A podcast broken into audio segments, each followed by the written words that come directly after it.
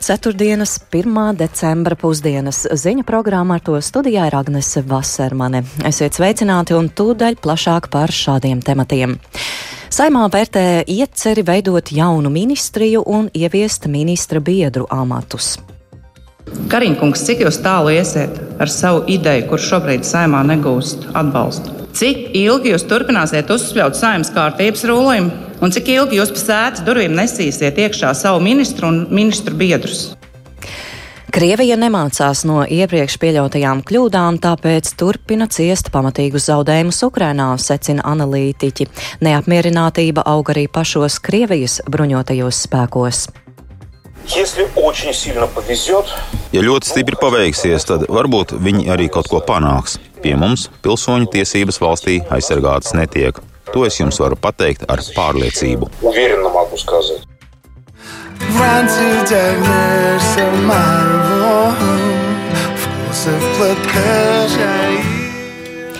Un ar himnas pirmā atskaņojumu sākas sabiedrisko mēdīju šā gada labdarības maratons Dod pieci. Par šiem un vēl citiem tematiem tūdaļ arī plašāk.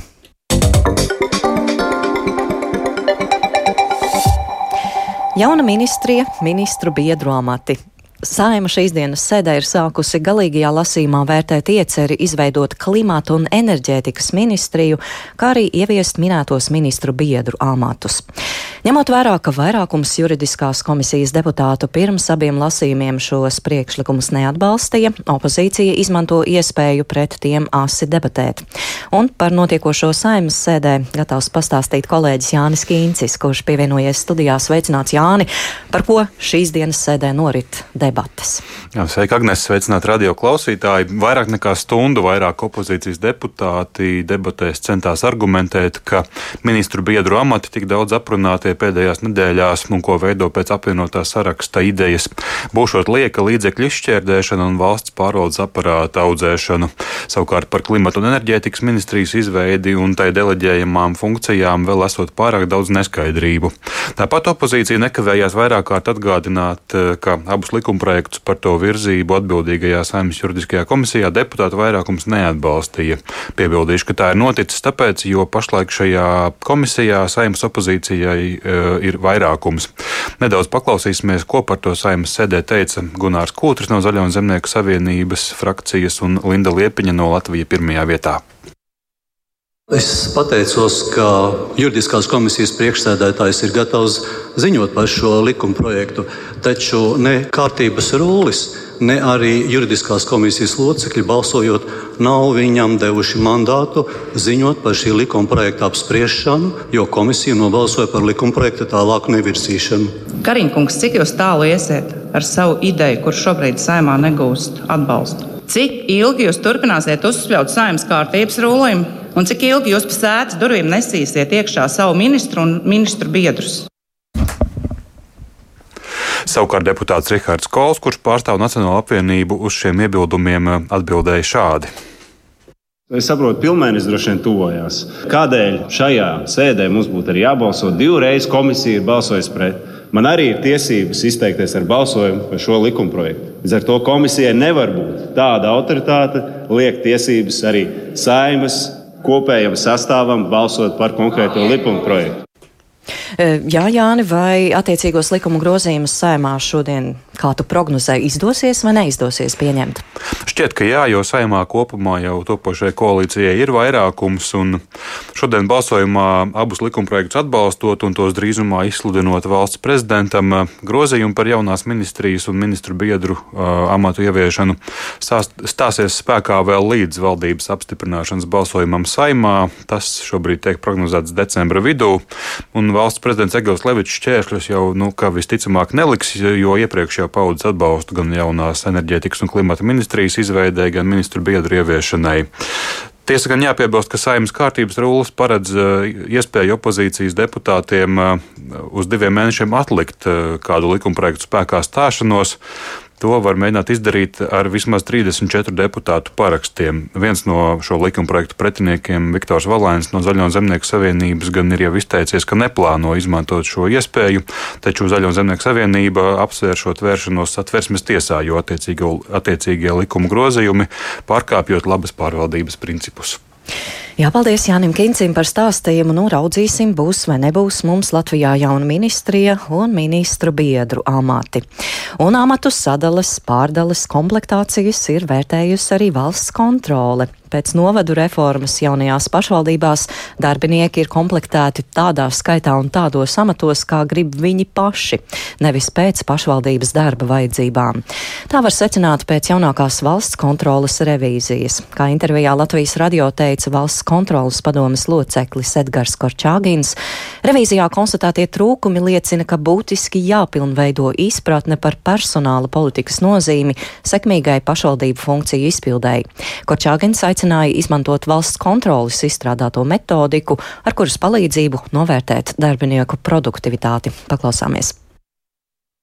Un, diemžēl, kas ir vēl satraucošāk, tas, ko mēs redzējām, ka lielā daļā pašvaldību, te 40%, faktiski pat nav uh, atbilstošas izglītības personāla speciālistu. Līdz ar to arī nav zināma mērā priekšnoteikumu mērķtiecīgi darba turpināšanu kādā veidā tad uh, pašvaldības ir noteikušas, cik daudz um, darbinieku konkrētu darbu veikšanai jaunizveidotajā pašvaldībā būs nepieciešams un kā tie lēmumi ir pieņemti. Uh, tas, ko mēs redzējām, ka pārsvarā šie lēmumi ir pieņemti balstoties uz speciālistu viedokļiem, uz iepriekšēju pieredzi un, diemžēl, ne datos balstīti, kas varētu sniegt kaut kādu stabilāku pamatu lēmumu pieņemšanai. Tikai desmit pašvaldībās Mēs aprēķinājām, ka pašvaldības varētu ietaupīt līdz pat 89 darbinieku slodzēm, un tīri naudiskā izteiksmē tas nozīmētu vairāk kā 1,3 miljonu eiro budžeta ietaupījums uh, ik gadu. Redzam, ka pārsvarā gadījumā darbinieki netiek mērķtiecīgi vadīti. Ko es ar to domāju? Ar to, ka faktiski 35 no 36 pašvaldībām redzējām, ka darbiniekiem netiek noteikti individuāli sasniedzami mērķi, kas viņiem ir savu darbu veicot jāsasniedz. Šie mērķi neizriet no pašvaldības kopējiem mērķiem. Tātad nav garantijas par to, ka darbinieki strādā pašvaldībai vajadzīgajā virzienā. Uz mācībām netiek sūtīti pašvaldībās, bet tiek sūtīti drīzāk tajās jomās, kur to obligāti pieprasa likums. Ir skaidrs, ka nav pamata runāt arī par uh, pamatotu darbinieku rezultātu novērtēšanu balstoties uz kuru jau tad varētu noteikt gan viņu mācību vajadzības, gan arī attiecīgi prēmēt tur, kur varbūt darbs ir izdarīts labi.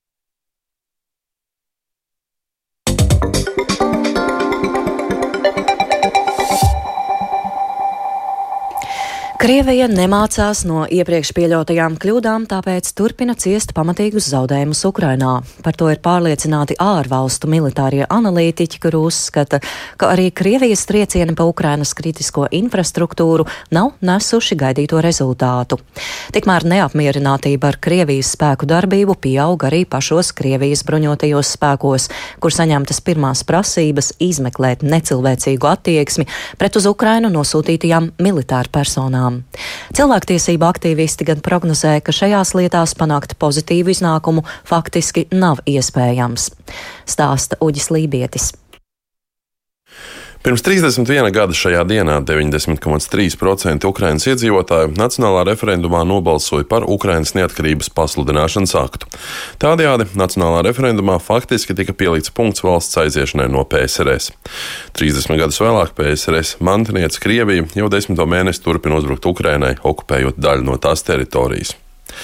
Vakar Ukrainas prezidents Valdemirs Zelenskis bija sasaucis augstākās militārās vadības sanāksmi, lai apspriestu situāciju okupētajos reģionos, kā arī frontei tūmā esošajās teritorijās arī stāvokli uz robežas. Analizēti gan ienaidnieku iespējamie plāni, gan arī plānota vēl spēcīgāka pretošanās.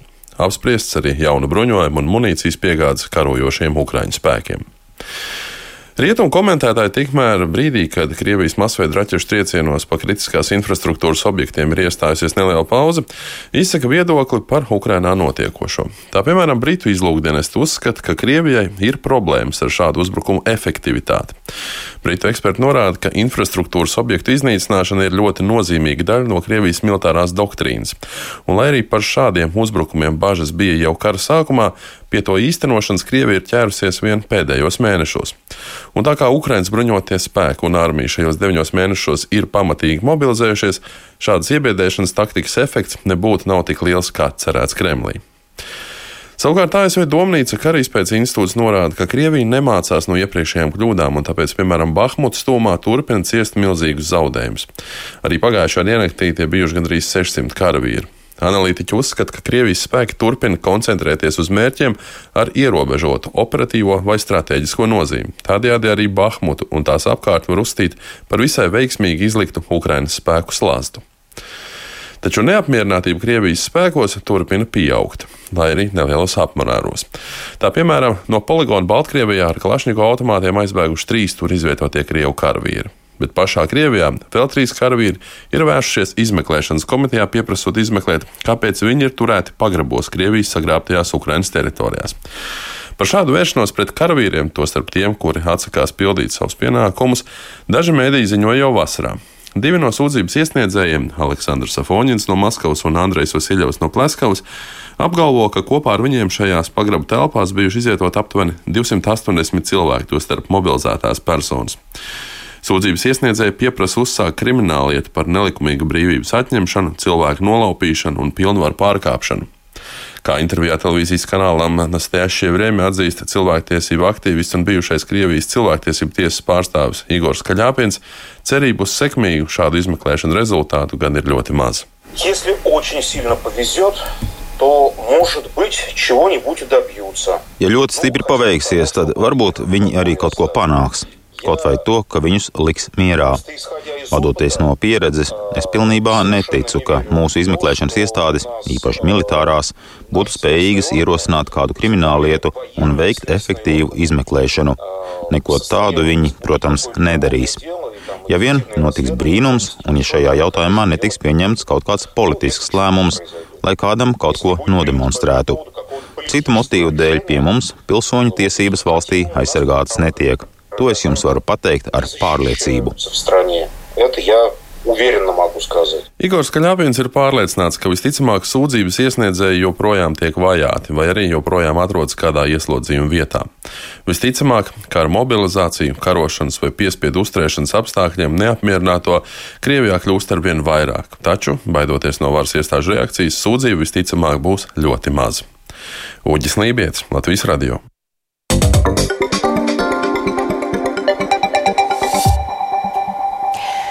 Šodien tiek atzīmēta Pasaules AIDS diena. Tās priekšvakarā ANO HIV AIDS programmas pārstāvji ir publiskojuši ziņojumu, kurā atzīst, ka pasaules valstis atpaliek no sava plāna izskaust AIDS līdz 2030. gadam, jo slimības izplatību veicina nevienlīdzība pasaulē. Kā uzskata organizācijas Ņujorkas biroja vadītājs Cezārs Nuņēs, visai pasaulē kopīgi ir jāstrādā tieši pie nevienlīdzības izskaušanas HIV has not gone away. HIV nekur nav pazudis. Parādu, taupības un nevienlīdzības krīzes laikā, kas pašlaik ir skārus daudzas attīstības valstis, nebūtu strateģiski pareizi samazināt palīdzību globālajai veselībai. Šis nav laiks, lai atkāptos, šis ir laiks, lai aktīvāk iesaistītos. Pasaules aids dienā apvienotās nācijas pievienojas cilvēkiem un kopienām visā pasaulē ar aicinājumu rīkoties un novērst nevienlīdzību. Izlīdziniet tiesības, izlīdziniet pieeju pakalpojumiem, nodrošiniet vienlīdzīgu piekļuvi resursiem, labākiem zinātnes sasniegumiem un medikamentiem. Tieši tā mēs izbeigsim aids. This is how we will end AIDS. Latvijā pat laban ir apmēram 6000 HIV aids pacientu un apmēram 50% gadījumu HIV pārnese notiek heteroseksuālās attiecībās. Tā intervijā Latvijas radio sacīja ar HIV inficēto atbalsta biedrības Agiha valdes priekšsēdētājs Andris Veitinieks. Pat laban Latvijā ir pieejami medikamenti un saslimušajiem ārstēšana notiek pilnībā bez maksas taču terapiju lieto apmēram tikai puse no tiem, kuriem tas būtu jādara. Kā vienu no iemesliem vēķinieks min pašdisciplīnas trūkumu.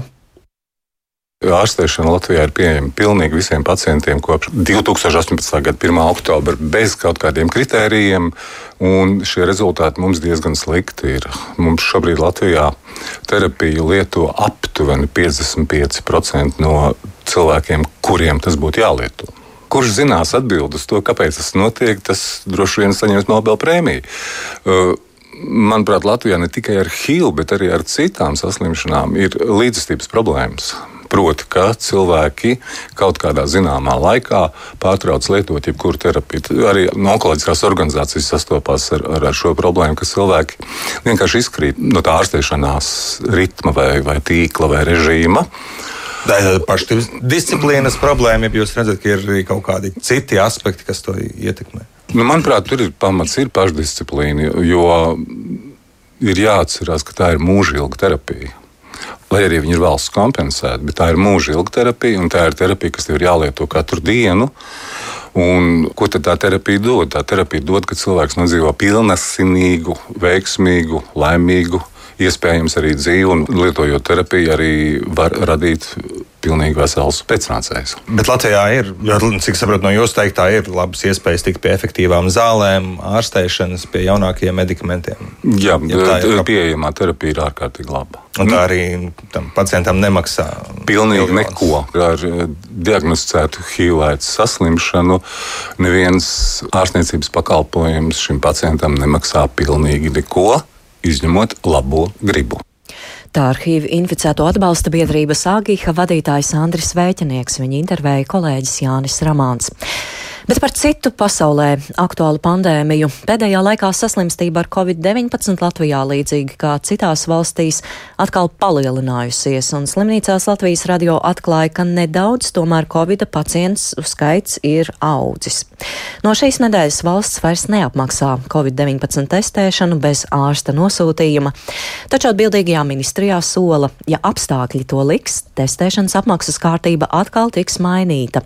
Par aktuālo situāciju ar covid Covid-19 saslimstību Kristapa Feldmaņa ierakstā.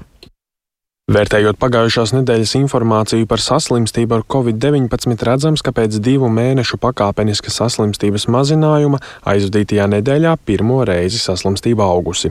Slimību profilakses un kontrolas centra pārstāve Ilze Arāja stāsta, lai arī Latvija šobrīd atrodas zem vidējā Eiropas Savienības saslimstības rādītāja, tomēr Latvijā pieaugusi saslimstība 0 līdz 9 un 30 līdz 49 gadu vecuma grupās. Virsvidējā saslimstības rādītāja Latvijā atrodas Kurzeme, Latgale un Rīga. Tiesa mirstības rādītāju kāpumu šobrīd vēl nemana. Par kopējām slimības tendencēm turpina Arāja. Pieaugums ir par 35,1%. Attiecīgi dienā bija reģistrēti vidēji 446 jauni gadījumi. Par 4,6% pieaudzis arī stacionēto gadījumu skaits, bet te ir ņemot kopā gan pamatdiagnozi, gan blakus diagnozi Covid, un stacionāros ir divi pacienti ar smagu slimības gaitu. Viens no šiem pacientiem pacientiem ar smagu slimības gaitu šobrīd atrodas Paula Stradiņa Kliniskajā universitātes slimnīcā. Tās pārstāve Janita Veinberga skaidro, tā ir kundze cienījamos gados. Pavisam Stradiņa slimnīcā šobrīd ārstējuši 48 pacienti un 3 pacientiem Covid infekcija ir pamatdiagnoze. Un Covid pacientu skaits šajā slimnīcā aug, turpina Veinberga. Ja mēs skatāmies uz datiem, tad tā līkne ir nedaudz cēlusies, ja mēs salīdzinām vēl ar novembra beigām, kad slimnīcā bija 28 Covid pacienti pacienti. Šobrīd diennaktī vidēji tie ir 11 jauni Covid pozitīvi pacienti, kuri nonāk mūsu slimnīcā. Pamatā tie ir eh, cilvēki senioru vecumā. Tādēļ Veinberga aicina seniorus izlemt par labu vakcinācijai, jo pieredze rāda, ka tieši vecāki cilvēki slimo smagāk. Covid-19 pozitīvi šobrīd ir arī 16 slimnīcas darbinieki, un Veinberga atzīst, tas nerada pārāk lielu slodzi slimnīcai kopumā, un tā ar visiem darbiem tiek galā. Taču tieši no šīs nedēļas laikā, kad sāka pieaugt saslimstība, valsts pārtraukusi apmaksāt šīs infekcijas testus bez ārsta nosūtījuma. Veselības ministrijas pārstāvis Oskars Šneiders gan mierina, ja situācija prasīs, tad testēšanas un apmaksas kārtību atkal mainīs. Šobrīd valsts apmaksā testēšanu tikai ar ārsta nosūtījumu.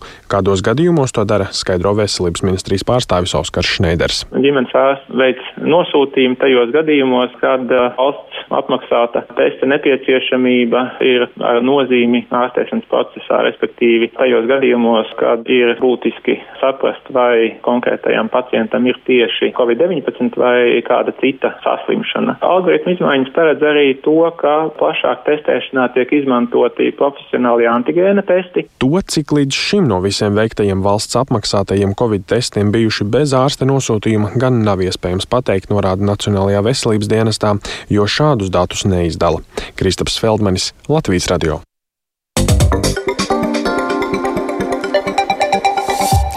Klāt decembris, un tas nozīmē, ka ir pietuvojies arī ikgadējais sabiedrisko mediju labdarības maratons dod pieci. Šogad tas veltīts Ukrainai. Pats maratons gan sāksies tikai 16. decembrī, taču jau no šodienas tīmekļa vietnē dod 5 LV. Pret ziedojumiem var pieteikt atskaņojamas dziesmas. Mazākais iespējamais ziedojums ir 5 eiro. Par šā gada maratona mērķiem un norisi interesējās kolēģe Ieva Puķe Вранці тягнешся марвом, вкуси вплетеш скільки нещасть плакали. Svešums spēja apburt mani vien zem taviem spārniem. Es atgriežos skrandās, mana zeme, bez tevis vairs nebūšu es, ar muguru aizsedzis mīlestību, lai tevi vairs nav jāzaudē.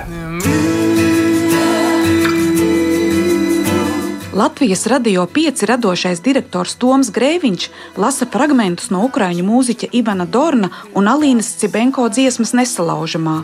Šī kompozīcija kļūsi par himnu Latvijas sabiedrisko mediju ikgadējam Ziemassvētku labdarības maratonam Dod pieci.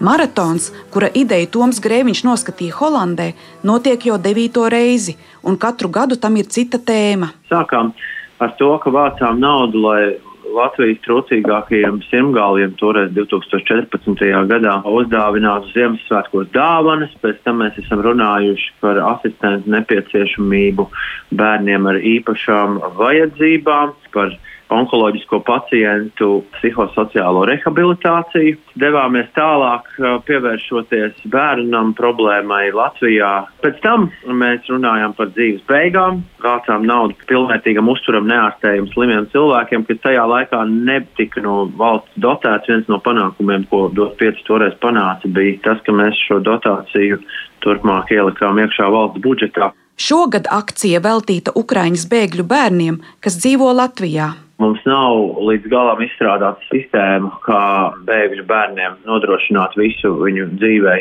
nepieciešamo, nodrošināt pamatvajadzības. Tāpēc arī mēs nolēmām vākt līdzekļus tikai un vienīgi Ukrāņu bērniem, kas šobrīd dzīvo Latvijā. Ne tikai maratona himnas autors, Ukrainā ļoti populārs mūziķis Ivans Dorns, bet arī viens no dīdžejiem, kas no 16. decembra darbosies maratona studijā Ziemassvētku tirdziņā Doma laukumā, ir no Ukrainas. 25 gadus vecais džēza mūziķis un skaņu režisors Edgars Vilcāns, latvieša un ukrainietes dēls, līdz 9 gadu vecumam dzīvoja Rīgā, bet tālāk Kīvā. Ar maratona himnas autoru Vilcāns bija pazīstams jau pirms kara. Viņš saka, Ukrainas mierīgo iedzīvotāju, arī radošo cilvēku dzīvi, Krievijas iebrukums ir pilnībā sagrāvis. Tā ir viena no vienīgajām Dorna dziesmām, kuras viņš ir uzrakstījis kopš sākās karš. Un viss, ko cilvēks pārdzīvoja, viss, ko mākslinieks varēja iedot tai dziesmai, manuprāt, viņš iedeva. Tāpēc atbilstošāku himnu pat uh, nevar iedomāties. Cik naudas labdarības maratonā cer savākt tā rīkotāji un kādi ir bijuši iepriekšējo gadu ziedojumu rekordi, to viņi neuzskata par vajadzīgu izvirzīt priekšplānā. Svarīgākais dod pieci mērķis - akcijā iesaistīt pēc iespējas vairāk cilvēku. Tāda ir arī sabiedrisko mediju misija. Šobrīd nelaišāties tikai. тебе щоб більш не втрачати тебе. Ieva Puķa, Latvijas radio. Un skatāmies ziedot LV, tātad šā gada dod pieci akcijai, ziedojuši jau 600 cilvēku. Organizācijas vadītājai Rūtai Dimantai jautājām, kā Ukraiņi var pieteikties ziedotās palīdzības saņemšanai. Palīdzības veidi, kādiem var pieteikties no ziedojumiem, ir medicīniskā palīdzība, izglītības palīdzība vai sociālā palīdzība. Pieteikšanās ir ļoti ērti, ir jāizpilda īsa anketa, un tad eh, pēc šīs ziedotājā birojas saņem palīdzības pieteikumu, tad jau sazinās ar ģimeni un precizāk, kā tieši palīdzēt. Tā kā tie klausītāji, kuru redzeslokā ir um, kara bēgļi no Ukrainas, un jūs zinat, ka viņiem ir nepieciešama palīdzība, iesakiet doties uz dot 5.lm mājaslapu un pieteikt šo palīdzību. Ar to arī pusdienas ziņu programma izskan. To veidoja Edgars Kupčs, Renārs Šteimanis, Katrīna Bramberga, studijā bija Agnese Vasermane.